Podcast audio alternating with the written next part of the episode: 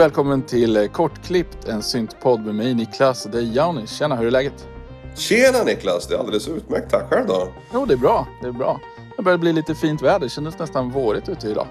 Ja, det var någon sån här konstig lampa som någon hade tänt där uppe i himlen som gick sken in genom fönstret. Jag skulle vilja börja det här avsnittet med lite shoutouts faktiskt för att eh, jag tycker att det är så kul att Discord-kanalen vi har börjar röra på sig lite grann. Det finns mycket trevligt folk där, många postar sina låtar och vi har många intressanta diskussioner på gång om, om olika saker som rör syntar och musik. Jättekul! Och jag fick ju veta, som precis som jag misstänkte i förra programmet, att jag går över ån efter vatten när jag modulerar Little, vad heter den, Ecoboy Junior. För de funktionerna finns ju faktiskt i Ecoboy så att, eh, det är precis det där man behöver höra ibland att det finns saker att upptäcka och lära sig om det man redan äger. Ja, det är ju jättebra och som feedbackkanal så är det helt fantastiskt för oss. Vi får information om det är någonting som vi säger som inte är korrekt som i det här fallet eller om det vill bara ge oss lite feedback eller klapp på ryggen eller idéer om nya grejer som vi kan ta upp också. Exakt, och det är jättebra så att vi kommer lägga en länk i eh, avsnittsbeskrivningen till eh, Discord-kanalen så att fler kan hoppa in där. Sen läste jag i senaste numret av Svartpunkt att Arvid Tuba lyssnar på oss. Och eh, Blå Måndag och Man Machine-podden också naturligtvis. Vilka eh, jättefina poddar. Eh, men det var så kul att, att, att, få veta att någon som man själv har lyssnat väldigt mycket på genom åren faktiskt också lyssnar på oss nu. Ja, det är helt fantastiskt. Jag är ett stort fan av Arvid. Man, man har ju alltid lyssnat på det sedan man var liten liksom. Det har alltid snurrat på någon kassett eller på någon samlings-CD eller något liksom. Och det är, jag tycker det är jävligt häftigt. Jag, jag, känner ju inte honom. Jag vet inte vem han är. Men det, jag tycker det är fantastiskt kul eh, ändå att det finns en liten... En, en, vad säger jag, ett litet fan till oss som vi har, också är fan av så att säga. ja, men cirkeln sluts ju lite grann på något sätt där. Det tycker jag är fint. Ja. Eh, så Arvid, om du hör det här, tack för att du lyssnar och eh, jättekul. Och tack för musiken. Och tack för musiken, ja. Precis, precis. Jätteviktigt. Stor inspiration. Ja. Sen vill jag också ta upp en sak som jag skrev ett kort inlägg om på eh, Instagram i veckan. Som är en idé som jag, en idé som jag fick av eh, Antonio Tublén som jag intervjuade för ett tag sedan. Vi har ju fortsatt kontakten lite grann via mail. Och han introducerade mig för ett koncept som kallas för Depth Year. Det är alltså inte han som har hittat på själv då.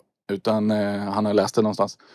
Men där, det det handlar om är egentligen att man försöker sluta ta in en massa intryck från alla möjliga olika håll och fokusera på en sak. Och eh, han länkade till en artikel som jag läste där det alltså, där man liksom gör det lite mer rituellt. Man, man bestämmer sig för att nu har jag ett år där jag fokuserar på den här saken och efter att året är slut så firar jag att jag har gjort det och varit duktig och alla sådana saker.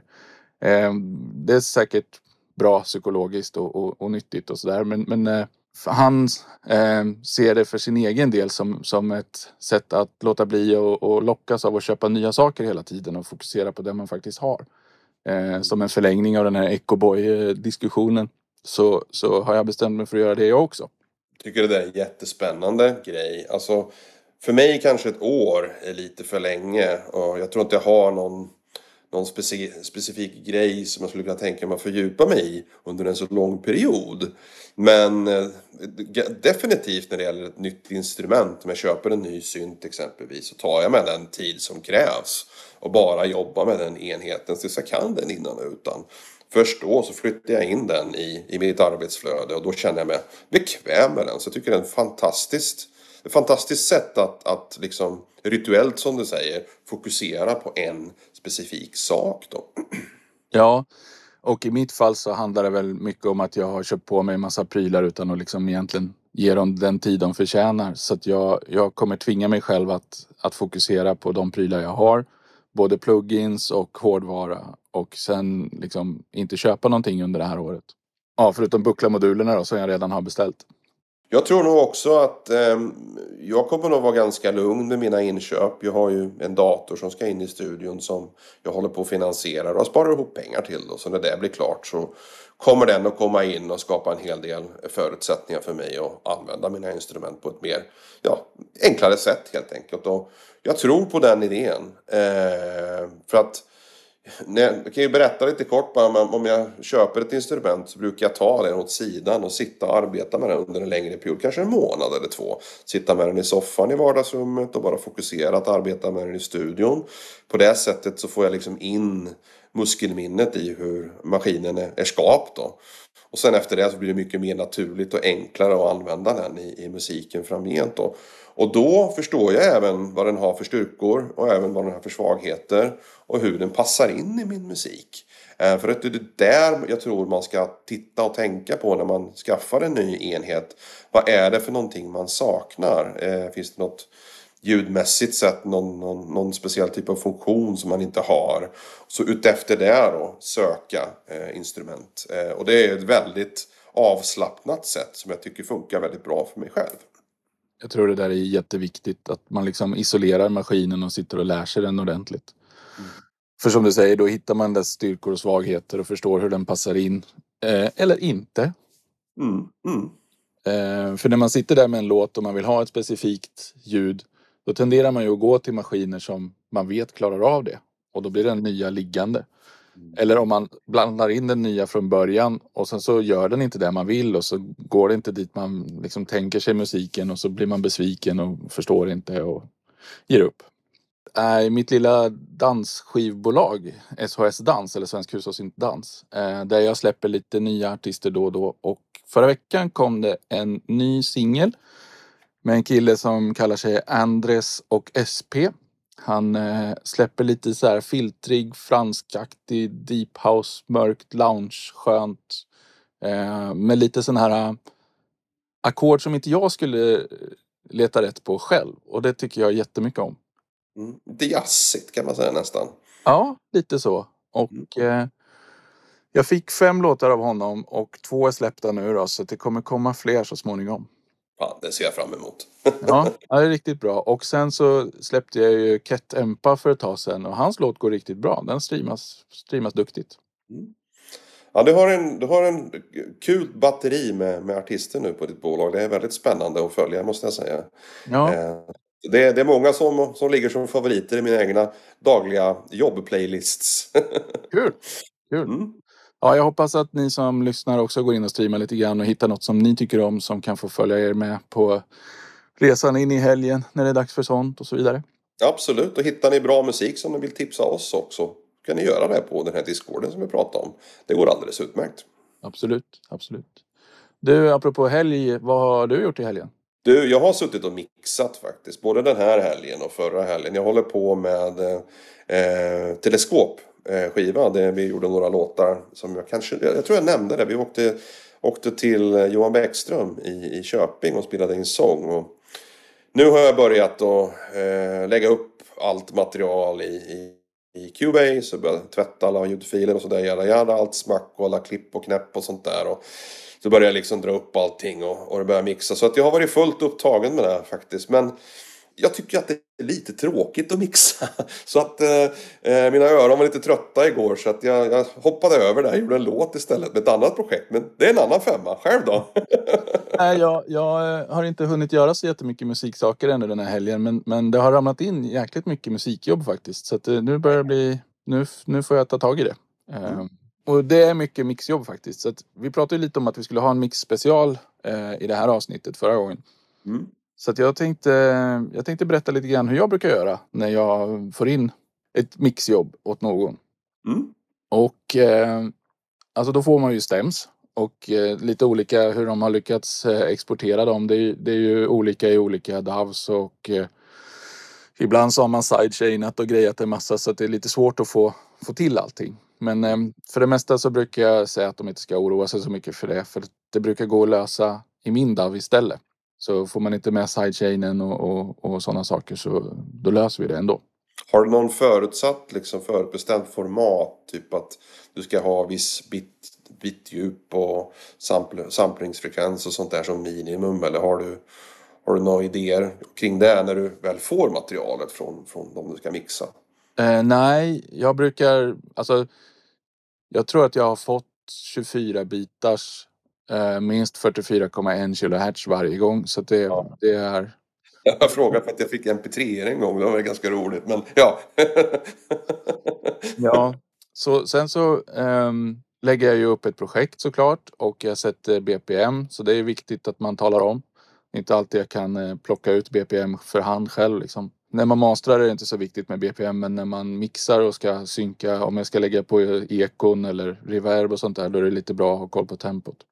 Så lägger jag upp alla stämsen i projektet och sen om jag har fått en mix från kunden så, så lägger jag den överst liksom som, som referens. Och har jag inte fått någon Oavsett om jag fått en referens från kunden eller inte så kör jag alltid liksom en downmix av alla stämsen på en gång så att jag har den också. Så att, så att ibland så har man ju liksom en referens från kunden som den har liksom tänkt sig att det är ungefär som den vill att det ska låta. Och sen så vill jag alltid ha en referens från alla stämsen liksom helt orörda. Och det är bara för att kunna gå lite grann fram och tillbaka och se lite grann vad som händer så att jag inte missar någonting. Så att mm. om, om jag bara skjuter ner en, en rå mix från, från stämsen från början så, så kan det ju hända liksom att jag senare har plockat bort, inte vet jag, säg att jag högpassfiltrerar något spår. Och sen när jag lyssnar tillbaka på, på original eller råmixen så att säga så hör jag att jäklar det saknas någonting här. Det är någonting som inte är riktigt bra. Men då inser jag ju mitt misstag och kan liksom korrigera det lite lättare. Mm. Sen brukar jag kolla lite snabbt så att det inte är tomma spår. Eh, det kan ju hända att man råkar ha mutat något spår när man exporterar. Och ibland, ibland så gör det ingenting för det är ett spår som inte skulle vara med.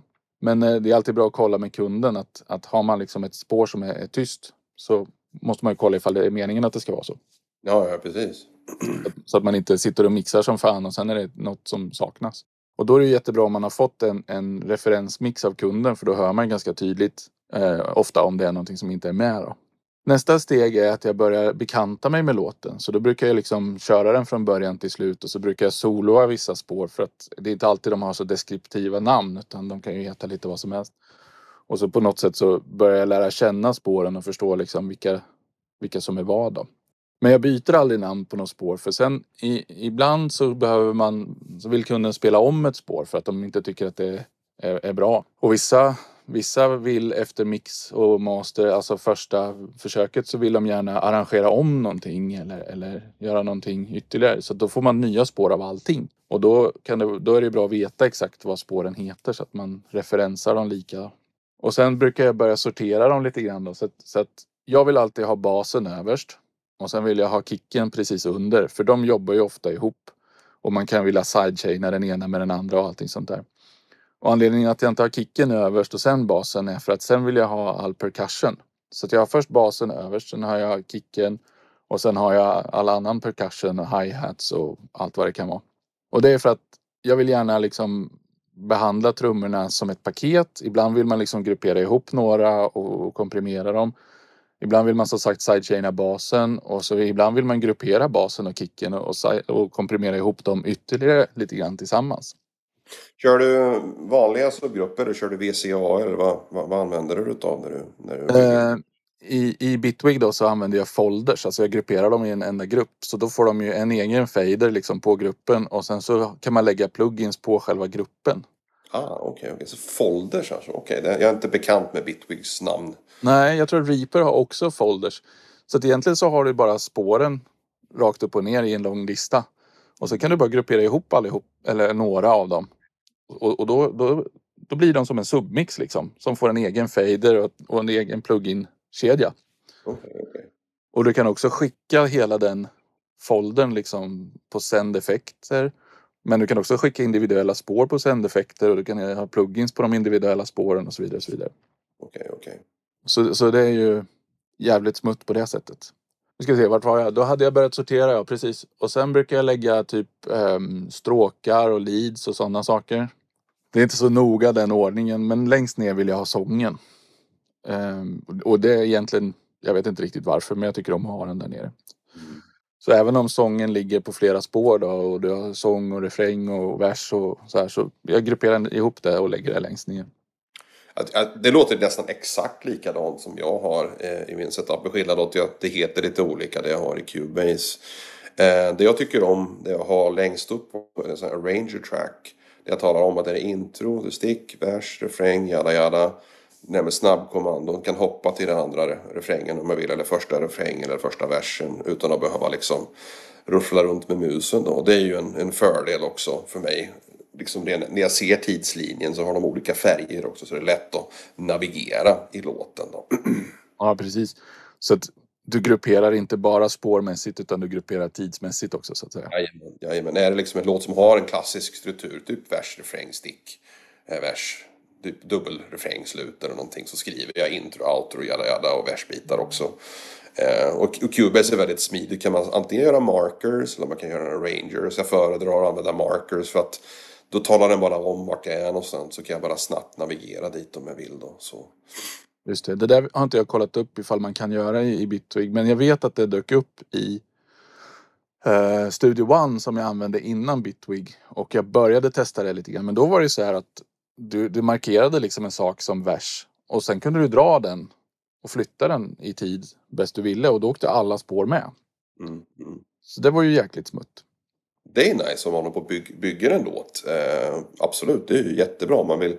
Ja men prova en dubbelvers här istället, en dubbel, dubbelrefräng här borta liksom. Det är, det är riktigt smutt. Ja. Men som sagt det där har jag inte kollat upp i Bitwig för jag har inte jobbat med att bygga låtar så mycket där. På det sättet. Eh, nästa steg är ju att tvätta spår som du var inne på lite grann. Eh, det här med, med, när man sjunger. Ibland är det inandningar, ibland är det överhörningar från hörlurar och sånt där emellan fraser. Eh, ibland är det knapp och smäck och alla sådana saker. Eh, ibland är det till och med knarrande stolar. Kan vara. Mm. Och sen när man har gjort det, då har man ju bekantat sig så mycket med låten så att man vet vart den liksom saker och ting som finns att tänka på. Liksom. Man har gjort mental, mentala anteckningar inför, inför framtiden. Mm. Men sen börjar jag liksom applicera själva min tanke, min mixfilosofi så att säga. Jag brukar tänka, alltså det är ju lite olika. Jag har mest jobbat med elektroniska artister så att de har ju en ganska hygglig mix från början. Jag kan tänka mig att det är lite annorlunda när man är, spelar in ett band med elektriska och akustiska instrument där man liksom gärna vill ha en ganska stark signal in på samtliga instrument och så löser man eller liksom lägger man nivåerna i mixen sen. Här är det ju massa VST-instrument och alla möjliga sådana saker. Så det, det är ju hyfsat vettigt mixat från början liksom. Men min grundtanke när jag mixar är att åtgärda problem. Eh, och tänka lite grann att alltså hur, om du ska göra en skulptur av en elefant. Då, då tar du en stor stenbit och så hugger du bort allting som inte ser ut som en elefant. Mm. Och sen är du ju klar. Och det är likadant här om du vill, om du vill göra en bra mix. Så tar du en jävla massa ljud och sen så tar du bort allting som inte låter bra. För det tror jag är nummer ett. Jag, jag tror inte man ska fokusera på att få saker att låta häftigt och stort och bra till att börja med. Utan du ska börja med att åtgärda problem. Är, är det en för klen kick, ja men då får du stärka upp den lite grann. Är det eh, krockar pianot och padsen och sången, ja då får du EQa och fixa och greja där så att allting kommer fram.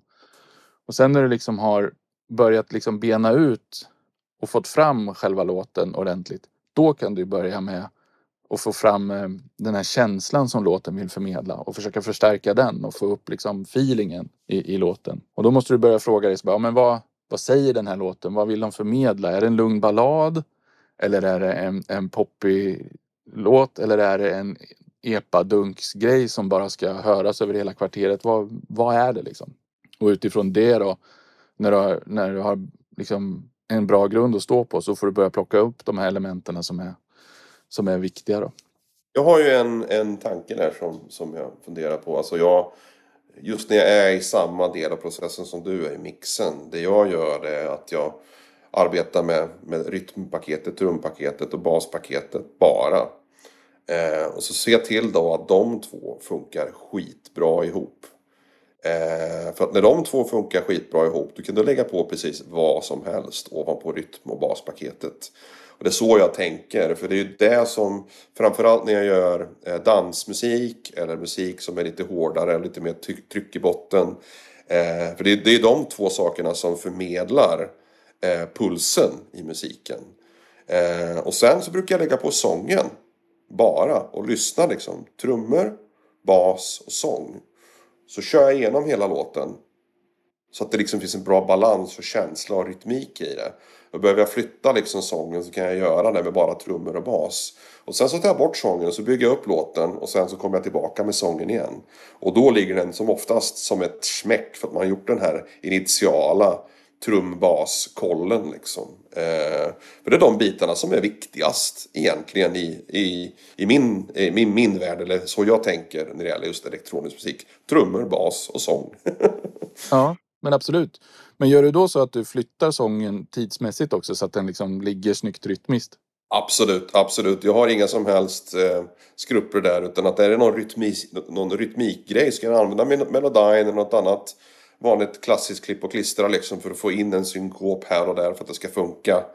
Och det där blir ju magi när man liksom flyttar vissa strofer och ord. Man kan flytta syntarna också. För att de ska liksom ligga. Det ska, ska skapa små luft, små gap och grejer liksom mellan eh, de olika rytmerna då. För jag behandlar ju sången som ett rytmiskt instrument också. Det är så jag tänker när jag bygger eh, musiken. Det, det där tror jag du har en, en nyckel faktiskt. För att alltså sången är ju verkligen ett rytmiskt instrument. Yes. Till skillnad från, alltså även om du skulle spela melodier på syntar och, och, andra instrument så är ju rytmen i sången är ju ofta mer upphuggen och kortare strofer eller vad man ska säga. Det, det, eftersom det, ett ord kan ju innehålla många stavelser och då blir det ju det som en, en väldigt snabb melodi på något sätt. Så det stämmer nog väldigt bra och, och, det stämmer överens lite grann med hur jag brukar jobba också. Jag, jag efter att jag liksom har satt grunden och, och filat bort det som är dåligt så att säga och ska börja liksom lyfta alltihopa. Då börjar jag också med trummor och baspaketet för att få det liksom att, att gunga och kännas bra liksom. Precis, det är bara att plocka fram valfri tidig Nitzereb-platta liksom. Typ Join in the chant eller Let your body learn och lyssna på rytmiken och samspelat mellan trummor, bas och sång. Det är ju de där grejerna som är det som skapar magin. Att det ligger liksom ett wow emellan istället för på ettan liksom. Sådana där saker. Eh, riktigt, riktigt kul att lyssna på tycker jag. ja. ja, men precis. Och just det där som du säger att man, man vågar flytta det lite off-grid liksom och få, få svänget och känslan i det. Men jag är ofta sån att jag, jag ogillar att, att eh, jobba alldeles för länge med något specifikt paket och jag kör nästan aldrig solo så att jag brukar liksom alltid kontrollera det. Även om jag kör trummor och bas och, och, och kanske ibland då sången eh, som en ensam grej liksom och försöker få ihop det ordentligt. Så kontrollerar jag jätteofta med hela mixen så att jag inte springer iväg någonstans. Eh, för jag, det har hänt någon gång att man har suttit och solat någonting och så har man rattat tills man tycker det låter helt magiskt. Men sen när man liksom släpper in alla andra ljud så drunknar den där coola grejen som man fixade. Eller så tar den över hela mixen och så är det ingen idé, liksom, ingen mening. För du kan ju, om du ska karva, om du ska karva den där äh, elefanten, har säg en träbit då. Och så börjar du med snabeln och så gör en jättefin snabel och sen när du, när du liksom slutar fokusera på snabeln så, så har du spenderat hela träbiten på en snabel. Då blir det inget kvar till resten av elefanten. Så du kan ju ratta världens coolaste virvel men eh, när den ska in i musiken sen så blir den för stor. Det där är jätteviktigt. Helheten är ju som oftast det som man, man väldigt lätt och snabbt glömmer. Eh, men det är ju som du säger, man bygger ett... Jag, jag gillar din, din liknelse med elefanten. Jag tänker mer som ett hus. Eh, det är väl lite samma, man bygger ett fundament, man bygger källaren, man bygger bas och botten och sen så upp med väggar och typ all garnityr, alla sådana här typ spröjs och sånt där, det kommer i slutändan gör det. Men du måste ha ett bra fundament. För att har du inget fundament så spelar det ingen roll. Stoppar du för mycket skit så kommer det bara rasa sen. Eh, så att man har grundkonceptet. Tänker liksom på vad är det som bär låten? Vad är huvudtemat? Hur accentueras det? Är det sång, bas, kanske någon slinga? Då är det det man ska fokusera på. Allt annat blir lite tingeltangel bara, faktiskt. Eh, och man ska inte vara rädd att ta bort grejer. Framförallt när, man, när, man, när du skickar, när du får en låt som du mixar åt någon annan. Så bara, den här får inte plats. Eh, så kan man plocka bort den helt och så kan man ha en konversation och säga, men eh, det funkar faktiskt mycket bättre utan. Och ibland så är less is more faktiskt en, en sann grej. Absolut. Och, och har man en, en sund relation med kunden så kan man ju ta de här typerna av diskussioner och, och, och har ofta liksom kan visa på att ja, men lyssna på den här versionen när jag plockar bort de här grejerna och, och, och minskat den saken. Och jag fejdade lite där för att jag tyckte det skulle bli mera rush in i, i refrängen och lite sådär. men sånt är ju alltid bra att komma överens om lite grann innan. Att liksom, hur mycket ja. får jag peta med det här? Um, sen ska man också tänka så här tycker jag att, att bara för att du har fått i uppdrag att mixa någons låt och att du har fått alla stäms i, till dig. behöver inte betyda att du måste göra någonting med alla stäms. Du måste inte lägga EQ överallt. Du måste inte ha en massa snyggt reverb på en massa olika saker. Det, det, kan mycket väl hända att, att du får en massa stäms som faktiskt är riktigt, riktigt bra som de är. Och då är det ditt jobb att fatta det och, och låta bli att peta på dem. Fixa inte något som redan funkar liksom. Nej, exakt. Och, och, och, du har inte gjort ett sämre jobb bara för att du inte har lagt på tusen plugins på, på en stäm. Utan du har fortfarande gjort ditt jobb när du har sagt att det här är faktiskt good enough. Jag behöver inte göra någonting med det. Vi kan... För, för sen mixjobbet i sig innehåller ju ändå en jäkla massa jobb. Men, men liksom det här att man känner att man måste göra någonting med allting bara för att det ska bli... Bara för att man ska ha gjort sitt jobb. Det tror jag man måste försöka komma bort ifrån. Absolut, absolut. Jag gjorde ju en hel del mixjobb eh, åt populära artister för många år, sedan. Jag bodde i Sverige innan jag flyttade till Malaysia. Och då var det mycket sådär, som du säger, man drar upp bara reglar. Eh, så lyssnar man på vissa grejer och vissa saker tar man bort och vissa saker får, får helt ligga kvar. Men då hittar den här magiska balansen mellan det som är bra och det man vill presentera är det som är liksom eh, det viktigaste i mixarens jobb. Som du säger, lära sig vad det är som gör låten bra. Och jobba utefter det. Och det, det, det kan man ta tillbaka när man jobbar sina egna låtar också. Vad är det som gör den här låten bra? Vad är det som är viktigt? Eh, vad, är det som, vad är hjärtat i min, min musik? Och det är det som ska vara framme i förgrunden när mixen skapas. Absolut. Och sen, sen tycker jag det är också viktigt att, att, att, kunna sina verktyg och förstå när man ska använda vad. För att eh, alla, alla, alla spår i en mix har ju en volymregel.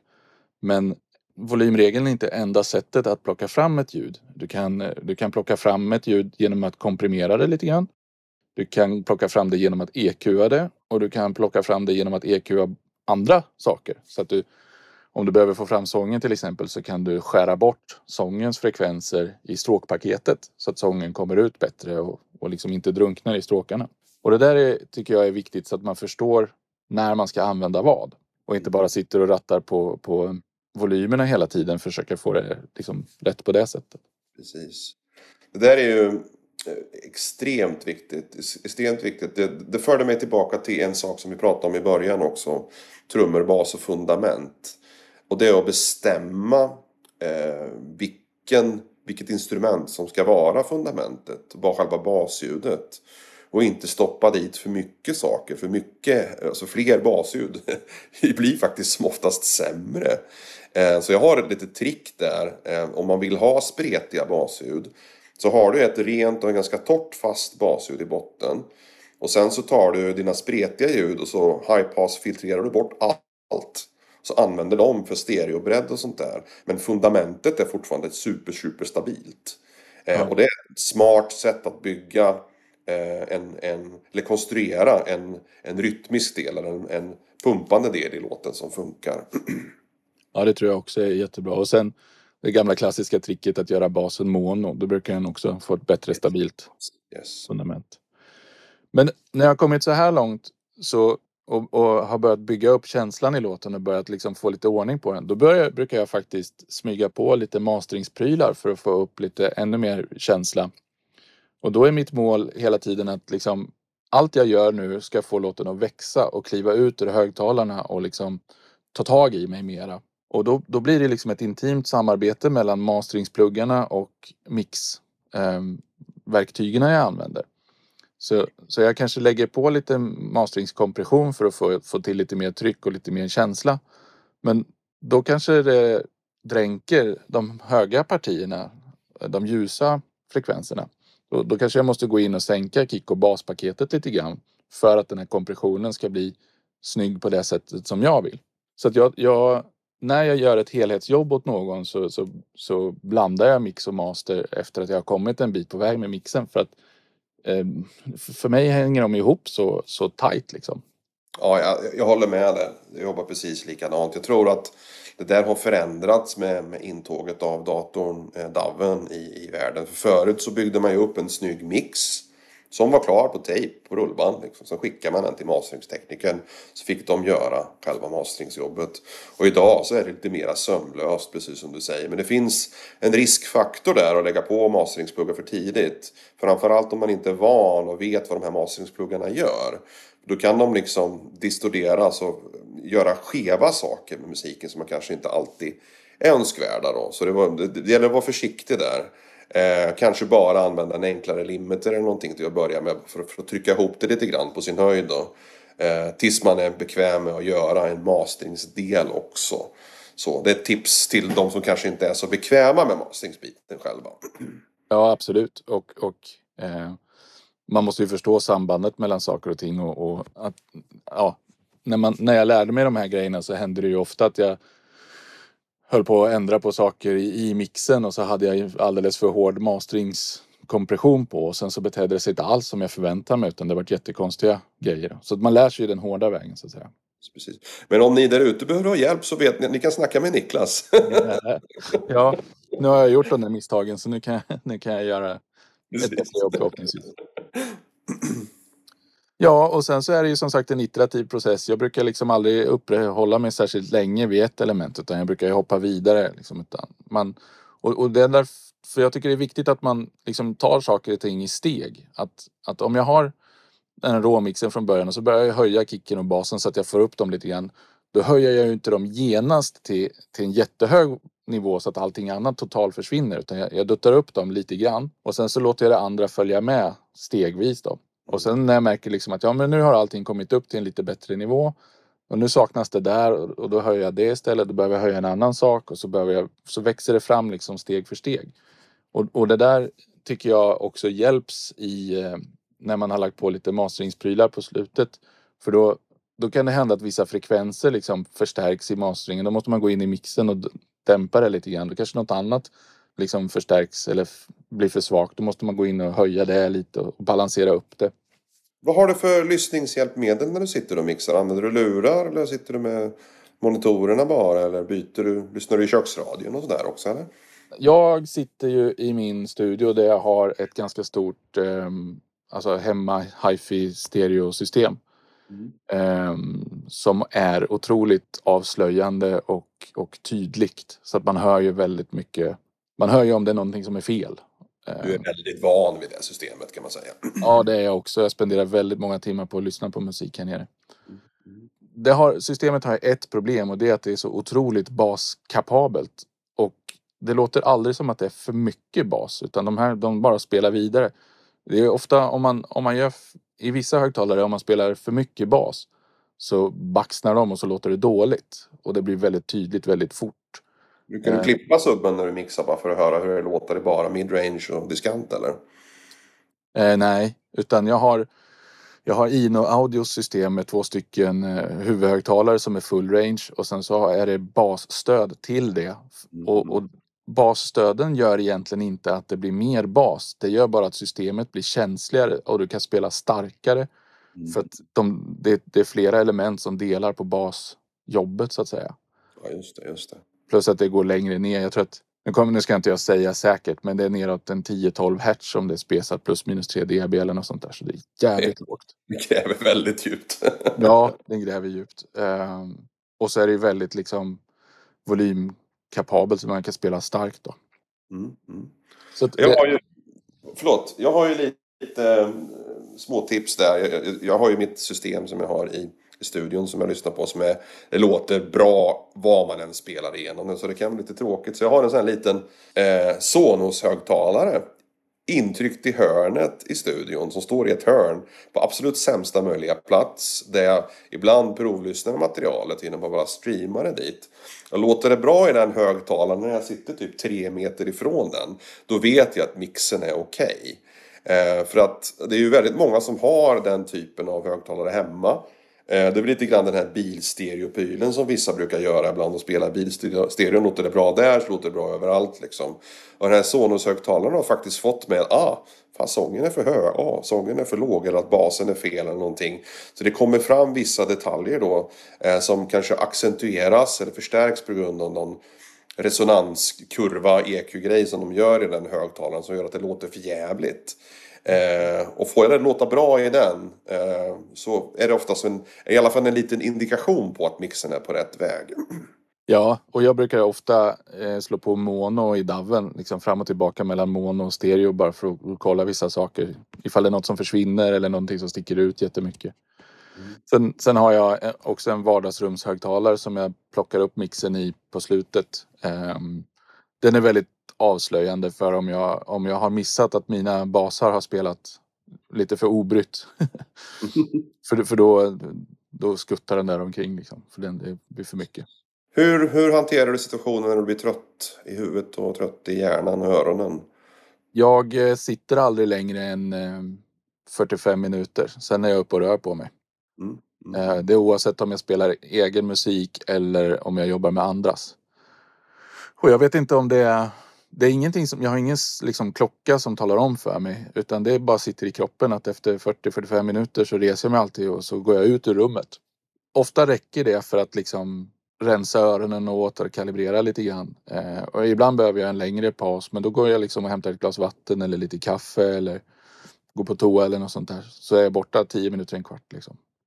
Ja, på pauser är viktigt att lyssna kritiskt och vila öronen för att den som låter bra nu eh, behöver nödvändigtvis inte låta bra dagen efter. Så att jag försöker undvika att mixa för sent när jag är trött och sånt där och trött i huvudet. Utan då, bara, då lägger jag locket på och fortsätter imorgon. Eh, för det är ju viktigt att ta de här pauserna för att man, man hör helt, man hör, man missar saker helt enkelt när man är trött och, och utsliten. Så att det är mycket bra poäng. Ja.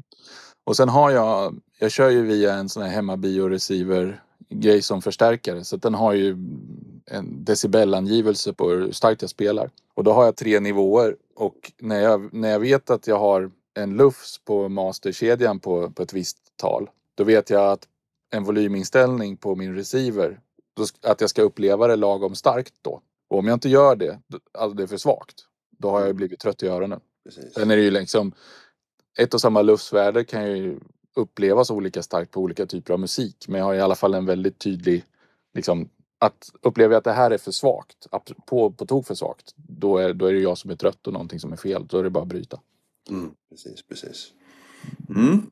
Ja, och eh, eftersom det här är kortklippt så tror jag inte vi hinner mer idag faktiskt. Nej, tror inte jag heller. Ganska mycket matnyttig information. Jag tror att det här avsnittet kanske är lite längre än vanligt, men det, det är en viktig viktigt ämne eh, som vi vill uttömma så mycket som vi kan på den korta tiden vi har eh, till, till, för, till förfogande. ja, men eh, vi återkommer till det ämnet och hoppa gärna in i discorden och fråga och, och, och tyck till. Har vi, har vi sagt dumma saker kanske? Det är inte helt omöjligt, det händer. ja, ja så jag menar vi har ju inte facit utan vi gör ju på vårt sätt. Det funkar för oss men det kanske inte funkar för alla. Nej. Det viktiga är att vi bjuder upp till diskussion och vill ni vara med och snacka så joina där på Discorden och kommentera gärna avsnittet eller snacka egen musik eller syntar för all del. Ja. Perfekt. Får alla ha det så bra då så hörs vi igen om två veckor. Det gör vi. Ha det gott. Hej då med er. Hej.